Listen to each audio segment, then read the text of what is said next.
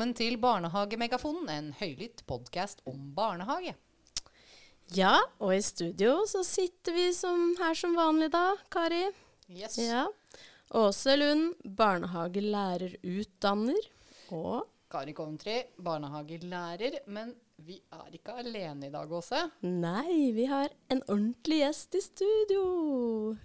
Hun er her helt på ekte. Ja. Velkommen, Hanne. Tusen takk. Dette er så gøy.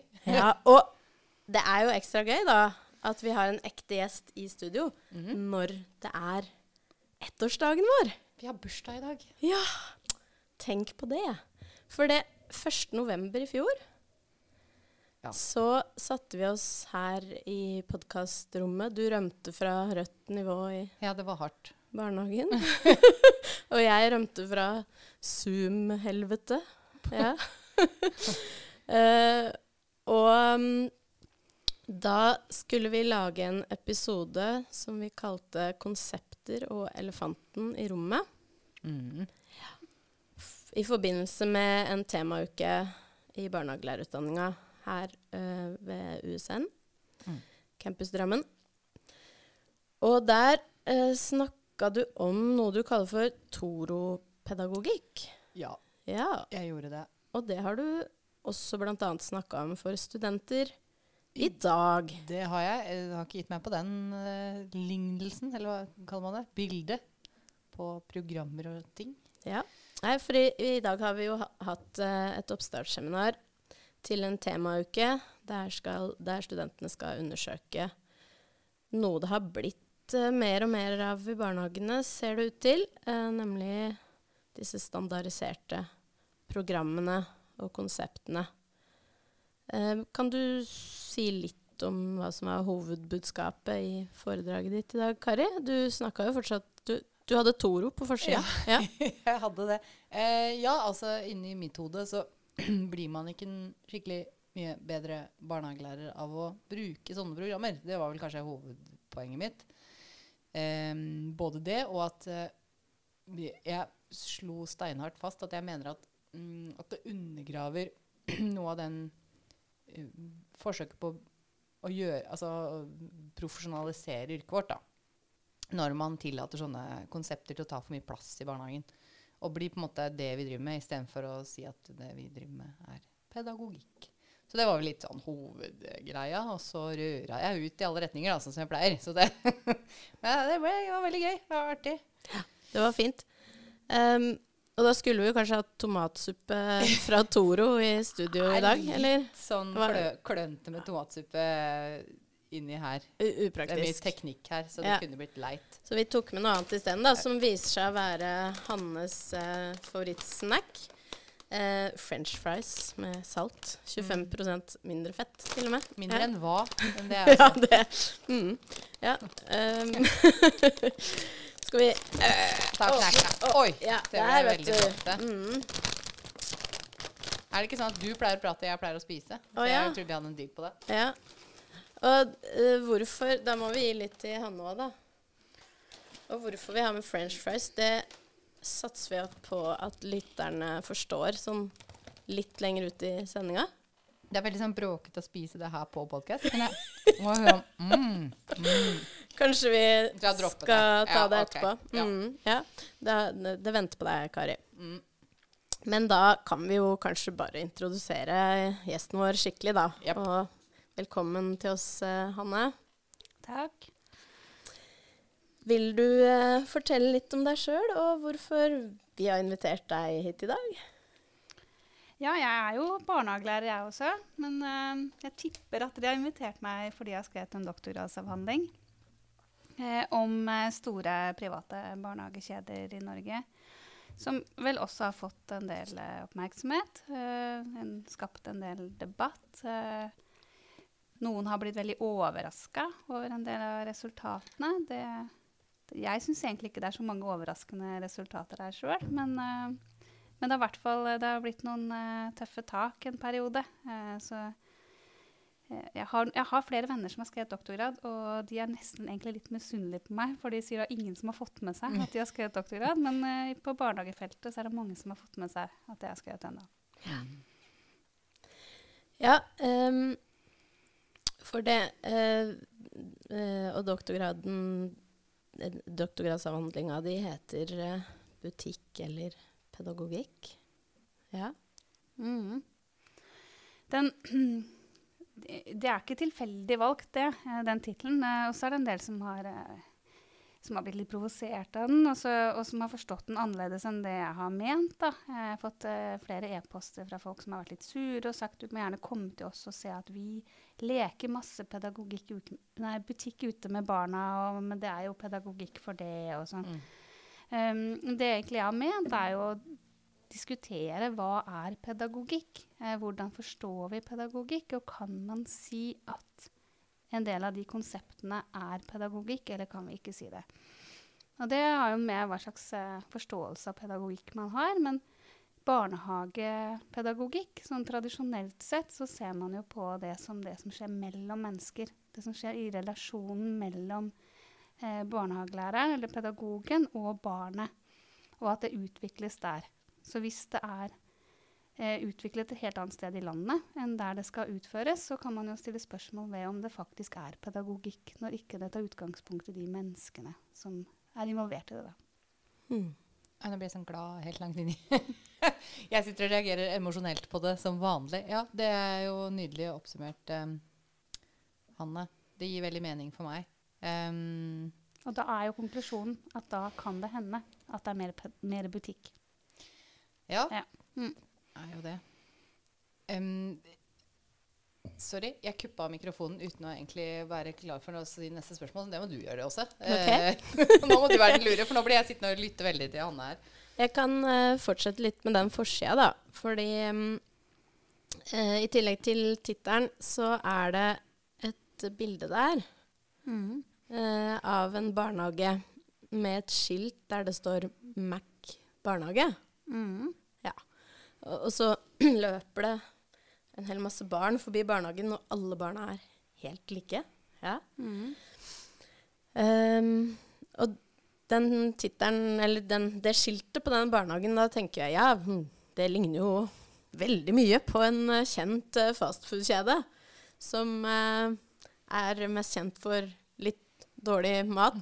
som kanskje har skylda for fed, fedmeepidemien i, i verden. eh, og voldsomt. Uh, og ja, de, de er vel også ganske kjent for å drive rovdrift på ansatte. Det har vært saker i Norge også. Så hva i alle dager har dette med barnehager å gjøre, da? Nei, det er, det er jo en teori da, som heter McDonaldifisering, som den viser til. Eh, som da jeg har gjort om til Mac barnehage. Um, eh, og det, det handler om at um, eh, andre virksomheter eh, ser til hvordan fastfood-kjeder driver. Og driver, ser at det er en effektiv måte å drive på. Det er en form for rasjonalisering. Eh, og det er en måte å drive økonomisk rasjonelt på. F.eks. det at eh, man har funnet den optimale måten å steke en hamburger på.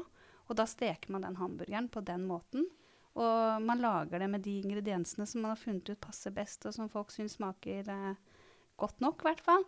Eh, og da, da driver man ikke og prøver seg fram på andre måter. Da gjør man det på den måten hver eneste gang. Og det, det skal være likt i alle, eh, alle restauranter. Eh, du, ikke, du, du vil ikke bli overraska, er liksom noe av tanken. At mennesker vil ikke bli overraska. Man må vite hva man får når man kommer til McDonald's og bestiller en eller annen type meny, så skal den være lik uansett hvor du kommer hen. Og så er det en sterk grad av kontroll. Og denne, her, eh, denne gutten, da, er, eller disse barna som er helt like, er jo da, handler jo om min drøfting av er det også Det er en rasjonalisering i barnehagen, men er det også en snakk om en rasjonalisering av barn? da, ikke sant? Altså, stand, Vi standardiserer i barnehagen, men betyr det at vi også rasjonaliserer barndommen og standardiserer barna til å være, bli like? Mm, like som disse burgerne. Nei, ikke som burgerne, men, eh, men, eh, men for at ting skal være, gå mest mulig rasjonelt og enkelt, så trenger du ganske mye kontroll over menneskene eh, der. Og det er jo mennesker som er de mest uforutsigbare i alle virksomheter. Og eh, McDonald's har funnet lure måter å gjøre det på, hvordan de, får oss til å gå, et, gå på rekke Eh, gå og hente ting selv, sette oss ned på liksom vonde stoler, sånn at vi ikke har lyst til å sitte der så lenge, så vi går med en gang igjen, og så får det ny inn. Og man finner måter enkelte steder, sånn som, som jeg har sett spesielt på på læringsverkstedet. Der er liksom, jeg har sett at det er så mye kontroll. Regionsledere som ut, går ut og kontrollerer at du følger konseptet. Og man har veldig fastlagte eh, dager for uh, matematikk, for norsk osv. Uh, som man da skal jobbe med på spesielle måter. Altså man har funnet den optimale måten å jobbe med noe på. Og man deler inn dagen på en dag, en ganske sånn kontrollerende måte, hvor man da får mulighet til å kontrollere både ansatte og barn, og til dels foreldre. Uh, og det vil jo ligne på en sånn McDonaldifisering, da, er det jeg drøfter. Som jeg ikke sier ikke to streker under svaret, men det er en interessant drøfting når den teorien da faktisk finnes der. Mm. Og det er ikke sikkert det gjelder bare dem, men uh, jeg drøfter også om man kan si at det er en form for McDonaldifisering av barnehager generelt. At man kan se det for disse barna, og er jo som andre mennesker. at Man er jo ganske uforutsigbare. Man vet ikke hva barn kan finne på i neste øyeblikk. Så hvis man klarer å liksom, kontrollere det inn i noen programmer og noen standarder, så har man en mye mer rasjonell drift ja. enn om man skal gå og vente på at barna skal finne på ting. Mm. Og det som er interessant med det, er jo også liksom opp til det som du snakka om, Kari. Men mm. du hadde jo med den der robotlæreren. ja. Og det, fordi det er jo også, ikke sant altså på, eh, McDonald's er jo en restaurant, men det er en restaurant som ikke har bruk for kokker og servitører. som Har, Man har ikke bruk for de med utdanning. Og hvis du har ferdige opplegg som er laget av uh, de som eier uh, barnehagen, eller noen andre utenfor, så trenger du i prinsippet heller ikke barnehagelærere til å utføre det her. Da vet du at i dag skal vi ha matematikk. Da, ha den, da har vi den permen her med dette opplegget, og så gjennomfører man det. Man slipper å tenke. Og dette er jo litt sånn frykten, eller litt det som, ja, som du sier, som jeg var inne på i sånn, det jeg var opptatt av, var um, Trenger vi barnehagelæreren da? blir liksom siste sånn. Jeg, jo, jobber jo i kommunalbarnehage og kjenner jo igjen um, eh, ønske om likhet og lik praksis og, og styring gjennom programmer. Eh, også i kommun, kom, stor kommune, som jo jeg har jobba i mange år. Så det er jo ikke noe Jeg tror nok det er, som du sier, da, dette er nok barnehager. Eh, som i mange barnehager i vårt land, som opplever, og mange barnehagelærere som opplever dette. Um, I større eller mindre grad, selvfølgelig. Men denne kontrollen, da, hvor kommer dette behovet for kontroll fra? Det begynner jeg å lure på. Hvorfor i all verden er det så viktig å kontrollere, kontrollere så voldsomt? Altså, um. altså De vil nok si at siden det, siden det er eier da, som er de som uh, garanterer for kvaliteten i barnehagen, uh, om det er en, da, en kommunal eier eller en uh, kommersiell eier I dette til det jeg har sett på, er kommersielle. så de de står som garantisten for at det er kvalitet i barnehagen. Mm. Og da må de også gå ut og kontrollere at man følger det opplegget som de har laget. For ellers så kan de jo ikke garantere for at uh, du vil få det samme uansett hvor du sender barnet ditt. Hvis ikke de faktisk kontrollerer at de ansatte følger det opp og maler i riktige farger og har de riktige lekene på det riktige stedet og sånn. Ja, det, det, finnes vel andre måter. Nå må vi ikke altså, for Jeg tenker jo, ja, altså ja, de er juridisk altså, Barnehage er juridisk ansvarlig for kvaliteten i barnehagen. Det er jo slått fast i barnehageloven. Når kom det? Det er ganske nylig. Er ikke det en ganske nylig endring i barnehagelov? Er det noen som vet mer om dette enn meg? Nei. Eh, men i hvert fall Det kommer sterkere inn i den nyeste rammeplanen. Ja, OK. Mm. Ja. Eh, men altså, det må da finnes andre måter å sørge for at man vet at det er kvalitet i barnehagen rundt omkring, enn akkurat det? Eller? Oder was? Vis was?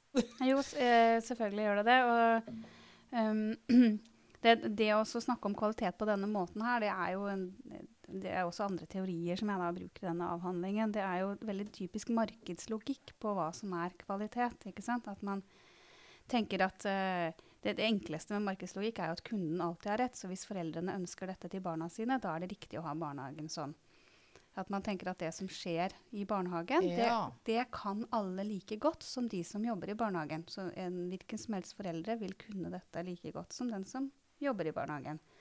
Og hvis, eh, eh hvis eh, kundene ønsker noe, så er det det de skal få. ikke sant? Ja. Det, og, det, og, det, at man uh, selger barnehage, da? Som et tilbud, som et produkt i et marked, så vil, må jo foreldrene få det som man har reklamert med. Dette Mm. produktet som de skal få. Eh, Det motsatte, eller en annen måte å se det på, er at man kan tenke at barnehagen skal være eh, styrt av profesjonen. Mm. Ut fra en profesjonslogikk. Og det, det har jo barnehagen tradisjonelt vært. Og hvis man går til styringsdokumenter, så ser man jo at det viser til en mer profesjonsstyrt eh, barnehage, hvor man har et samfunnsmandat, og det står både i barnehagelov og, barnehage, og rammeplanen for barnehagene at det, er, eh, det må være en barnehagelærer som er pedagogisk leder, det skal være en Mm. barnehagelærer som er styrer i barnehagen, og at man har gitt profesjonen et samfunnsmandat som man skal oppfylle. Mm. Så man kan jo absolutt tenke det på en annen måte enn at det skal være markedsstyrt. Ja. Mm.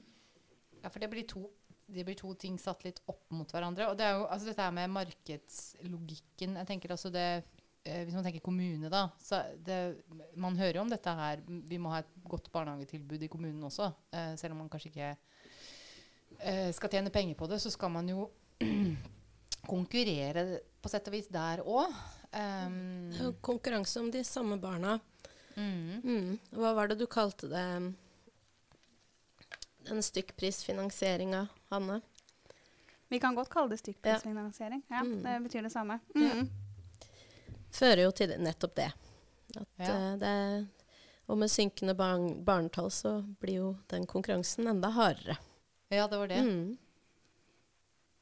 Nei, dette ble veldig, veldig veldig, veldig nedtrykkende. Nå kjente jeg ble litt tung i kroppen. Så nå tenker jeg at nå skal vi si noe hyggeligere her. Hva, men hva er den um, Hvis man skal tenke liksom en ideell barnehageeier, da. Uh, Hanne, hvis du, skulle, hvis, hvis du og jeg og vi tre skulle vært barnehageeiere, hvordan skulle vi liksom lagt løypa da for å få dette til å bli en, et sted der man hadde sikra kvaliteten? For det er selvfølgelig viktig. Man må jo vite at det er god kvalitet på det um, barna opplever at man hadde nordisk barnehagemodell og alt var tipp topp tommel opp. Hvordan gjør man det da? Hva skal man finne på da? For noe smart? Det er det sånn. Det enkle er ofte det beste. Og sånn. At, eh, jeg, jeg ville jo st- starta med å si at uh, man kan følge det barna er opptatt av. Det er ofte lurt. Eh, og det er jo sånn eh, barnehagelærere har drevet barnehage i alle tider. er At man ser hva det min barnegruppe er mest opptatt av. Mm. Og hva det jeg ser at de har behov for. Det, det blir ofte satt, Disse standardene blir satt opp mot at man ikke bryr seg, at man ikke gjør noen ting. Og det er jo ikke sant. Eh, det er, kanskje vel, det er kanskje mer krevende å være den som følger med på hva er det mine barn trenger, eller hva er det som er interessene deres nå, enn at man bare har med seg noe som er ferdig. Mm. Og, men jeg tror at akkurat det krevende ved det da, gjør også jobben mye mer interessant. Ved at du skal være den som hele tiden er på og følger med og ser nå har min barnegruppe behov for at jeg har et opplegg som er slik, eller at vi har sånne typer prosjekter nå. Nå er det veldig populært med dinosaurer. Nå må vi bare kaste alt til side, og så må vi ha et dinosaurprosjekt i denne barnehagen. Mm. Og for å få til å drive på den måten, så trenger du jo folk med kompetanse, da. Så jeg, som barnehageeier så ville jeg gjort ganske mye for å tiltrekke meg eh, de beste barnehagelærerne. Mm. Mm. Lagt forhold til rette og hatt eh, gode rekrutteringsprosesser der man lokker inn de eh, virkelig drivende dyktige barnehagelærerne. Det høres ut som en god plan. Men så sier kanskje kommunen da, eller denne store kjeden, at ja, men vi må jo ha et eller annet å måle kvaliteten mot. Vi må ha noe som, noen parametere som kan fortelle oss at det drives bra der ute. Hvordan skal barnehageeier vite at barnehagen er god? Mm. Og, for, og vi er jo inne i en sånn tidsalder hvor vi på en måte ikke klarer å se det uten at vi får noe måltall. Ja, Tall i barnehagen er alltid Ja. festlig. Ja, og jeg er jo med på det selv også, selv om, jeg, liksom, selv om jeg mener at det ikke burde være her i barnehagen. Det burde ikke være noe standarder nettopp fordi barn er forskjellige og barnegruppene er forskjellige. Jeg mener jo helt klart at det burde være ulik bemanning noen steder i byen og andre enn andre steder i byen, fordi man kanskje har barn som trenger mer et sted. Da. Men allikevel så er jeg jo en av de som kjemper for at det skal være en bemanningsnorm og det skal være en pedagognorm. Mm. Nettopp fordi ikke jeg stoler på hva som skjer i den andre enden hvis man ikke har det. Mm. Eh, og dermed så er man jo med på standarder. Men, eh, Og, da tenk, og det er det egentlig det eneste man vet helt sikkert da, når det gjelder kvalitet. Så er det jo, handler det jo om eh, voksentetthet, altså bemanning, men også kompetansen til de ansatte. Og så vet man en god del om det som handler om gruppestørrelse. Mm. Og det Hvis jeg hadde vært eh, hvis jeg hadde eid barnehage, da, så, så ville jeg jo tenkt at i min barnehage så ville jeg ikke hatt for store grupper. Åh, det var en Åh, jeg, Du kan godt bli barnehageeieren min, Hanne.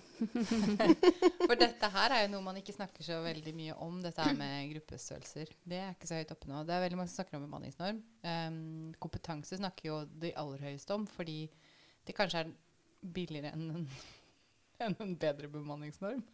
Det, er jo, det handler jo om penger, dette her òg. men gruppestørrelser, ja. Mhm. Det snakkes det heller ikke om, så mye om, men det handler vel kanskje om at eh, får man for små grupper, så ser man jo hva som skjer. I koronabarnehagen så skulle gruppestørrelsene helt ned på, på norm, faktisk. Det førte til at barnehagen måtte være åpen i bare seks, sju, åtte timer. Hva var det? Men, men eh, når vi er innom gruppestørrelse, um, er det også en del av uh, denne McDonaldifiseringa av barnehagen? Store grupp, barnegrupper, store barnehager.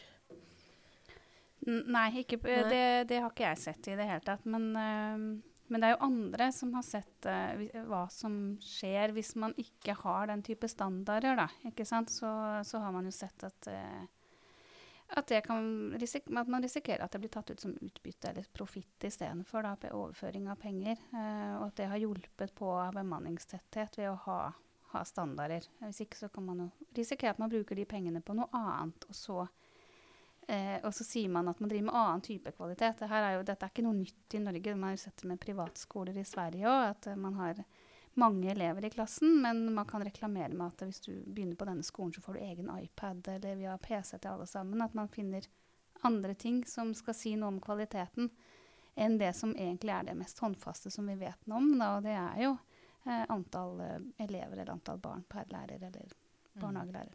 Mm.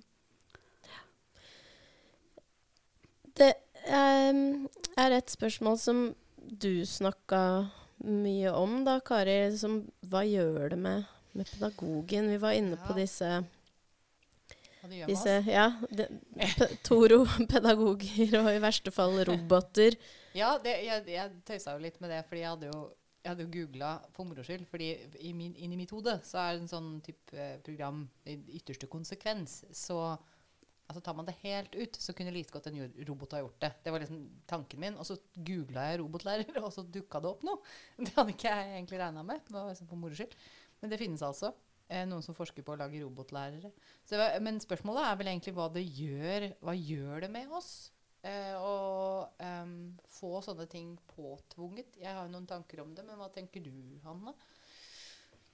Altså, mine informanter var veldig delt på det. Noen eh, opplevde nok eh, tvert imot at det ga dem mer faglighet på et vis. Eh, at man kunne si at eh, nå har vi jobbet med dette faget i dag på denne måten. At det, at det egentlig kanskje på en måte gir mer status fordi, enn, å, enn å si nei, i dag har vi bare lekt. Ikke sant? Mm. Og man får begrepet for ting som man ikke hadde før, som man kan snakke om. Og, og noen føler sånn press på at det er veldig mye man skal igjennom i denne rammeplanen. Eh, og så er det konkretisert, og det er, eh, det er egentlig ja, eh, forenkla eh, ut fra mitt ståsted. Eh, mye av dette her som skal eh, konkretisere rammeplanen. Men det, da, da, føler du at du får gjort jobben din, da. Ikke sant? En slags sånn avkryssing. Nå har jeg vært innom mattespråk, sosial kompetanse og Ja, men, og da blir matte gjort til telling, f.eks. Altså du, du reduserer, da. Ja. Eh, men eh, ja, eh, og det, det tror jeg en del føler, kjenner på som godt. da, At man har fått, kommet seg gjennom alt, og man har fått noen begreper på ting som man ikke hadde før. For det hjelper jo disse programmene til. Mm -hmm. så mange kjenner nok på mer sånn faglighet, mens andre andre jeg snakka med, de ble jo direkte provosert og sa at dette her, dette er jo forenkling av utdanningen min og erfaringen min. og eh, Skjønner de ikke at dette her kan jeg jo egentlig mye bedre enn det jeg får servert her, som jeg blir pålagt å gjøre. og ja. Så jeg tror, rett, og- jeg tror eh, folk er ganske delt i hvordan de oppfatter å få de programmene, ja. Mm. Ja, Er, jeg- er det din erfaring òg, Kari? Ja, og jeg Fra kommunen? Ja, Mm. eh, ja, altså det er jo mange som Ja, det mm, Ja. Fordi jeg skilte jo litt mellom den ferske pedagogen og den erfarne pedagogen. Sånn for moro skyld. Så lagde jeg litt sånn gøye bilder på det. Men um, jeg, det jeg opplever å høre fra folk, er jo at de, de opplever at hvis det ikke er obligatorisk, da, hvis det er noe de bare har tilgjengelig, da eh, kan de oppleve det som et nyttig tilskudd. For da er det sånn Det sparer tid. Det er sånn, nå kan jeg bare hente den, og så bare gjør vi sånn. Um, da føler man vel at man bruker det mer. Da, det liksom, da kaller det for et verktøy. Har en verktøykasse, har en idébank. ikke sant? Sånn typ. Ehm, mens i den grad man blir den andre enden av skalaen sånn provosert og tenker at dette her er tull- tulletøys ehm, og forenkler, det er nok mer de som man opplever at er obligatoriske. Og i større grad um, uh, påtvunget. Um, som man ikke har noe valg på. Da, da kommer nok mer at man blir provosert, da, eller Ja. Det er verre. verre. For å bruke et veldig proft ord. Det er Mm. mye verre Mm. også, sa jeg. Men, men um, det finnes vel også disse som blir veldig Jo, begeistra Ja for noen blir jo kjempegira òg, og Ja. syns det er kjempekult og gøy. Og så øh, er det vel em, ofte en sånn derre prosess på Sånn som med Være sammen, f.eks., som er dette programmet med Regnbueløven for de som er interessert. Um, så, så var det mye snakk om at vi må gjøre det til vårt. Vi må liksom lage vår egen forståelse av alle begrepene og sånn. Så vi gikk jo gjennom alle begrepene og lagde vår egen forståelse. Og på en måte var det en fin prosess for en hel personalgruppe som er veldig sammensatt. Vi har jo så mange folk som jobber i barnehagen. Alt fra liksom helt ufaglærte og ferske og sånn, til erfarne og til barne- og ungdomsarbeideren og barnehagelæreren. Så på en måte så er det en sånn sånn samlende prosess. Eh, På en annen måte så kan man kanskje tenke at dette forringer jo litt det fagspråket som er mer komplisert, og som har flere ord for det samme. Um, ja. Så det er vel kanskje litt delt, da. Vet ikke.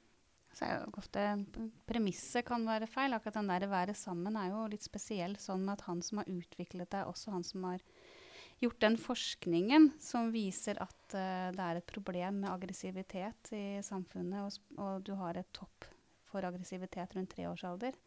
Så du må starte tidlig, ved toårsalder, for å hindre dette. Og, det, eh, og, derfor, og dermed så kommer den med et program. Altså det er en sånn sammenblanding av forskning og fagartikler og det kommersielle programmer som man eh, selger. Og eh, man trenger ikke man trenger ikke være forsker for å sitte ned og tenke seg om og tenke er, er det det som er liksom det største problemet i Norge? Aggressivitet. Mm. Jeg er ikke helt sikker på det. Eh, og, og, og eksemplene som brukes som at det er liksom det er liksom dytting og biting og altså eh, Ja, det, det, det, gjorde, det gjorde mine barn på den alderen også. Det er? Altså, men så finner man ord for det, og så, og så kaller man det aggressivitet, og så får man et program som skal hindre, Mm. hindre det. Så her er jo hele premisset er jo også, kan vi godt diskutere. ja. Vi Mm. kan ha en egen podkast-episode om senere. Vi kan ta for oss den. Ja. Mm. Ja. Vi begynner å nærme oss eh, en avslutning. Er det noe mer du brenner eh, inne med, Kari? Mm, nei, nå har jeg fått ganske mange svar, men jeg, jeg har ett spørsmål da, som jeg, jeg, lurer på. Fordi barnehagelærerne der ute, og vi har jo på en måte veldig mange forskjellige kamper, da. Veldig mange ting vi på en måte slåss og klorer for.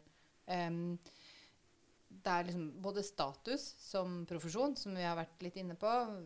Herregud, lønna vår. eh, den trenger vi ikke akkurat å snakke så mye om. Men arbeidsbetingelser, altså dette med bemanningsnorm, det handler jo også om våre arbeidsbetingelser. Eh, tid til å jobbe med faglig utvikling og, og ikke minst denne autonomien som er under press, da, med alle disse konseptene som kommer og lurer seg inn, eller tvinger seg inn, eller bøller seg inn, alt ettersom. Eh, så Hanne Dava, hvor skal, hvor skal vi begynne? Hva skal vi slåss for først, og hvorfor? Har du noe Eller altså, det, slåss, det var jo voldsomt. Det var ikke aggressivitet ikke et problem. Men hvor skal vi begynne? Hva, vi, hva er viktigst, tenker du, for barnehagelæreren å ta tak i først, da? Så jeg hyggeligere.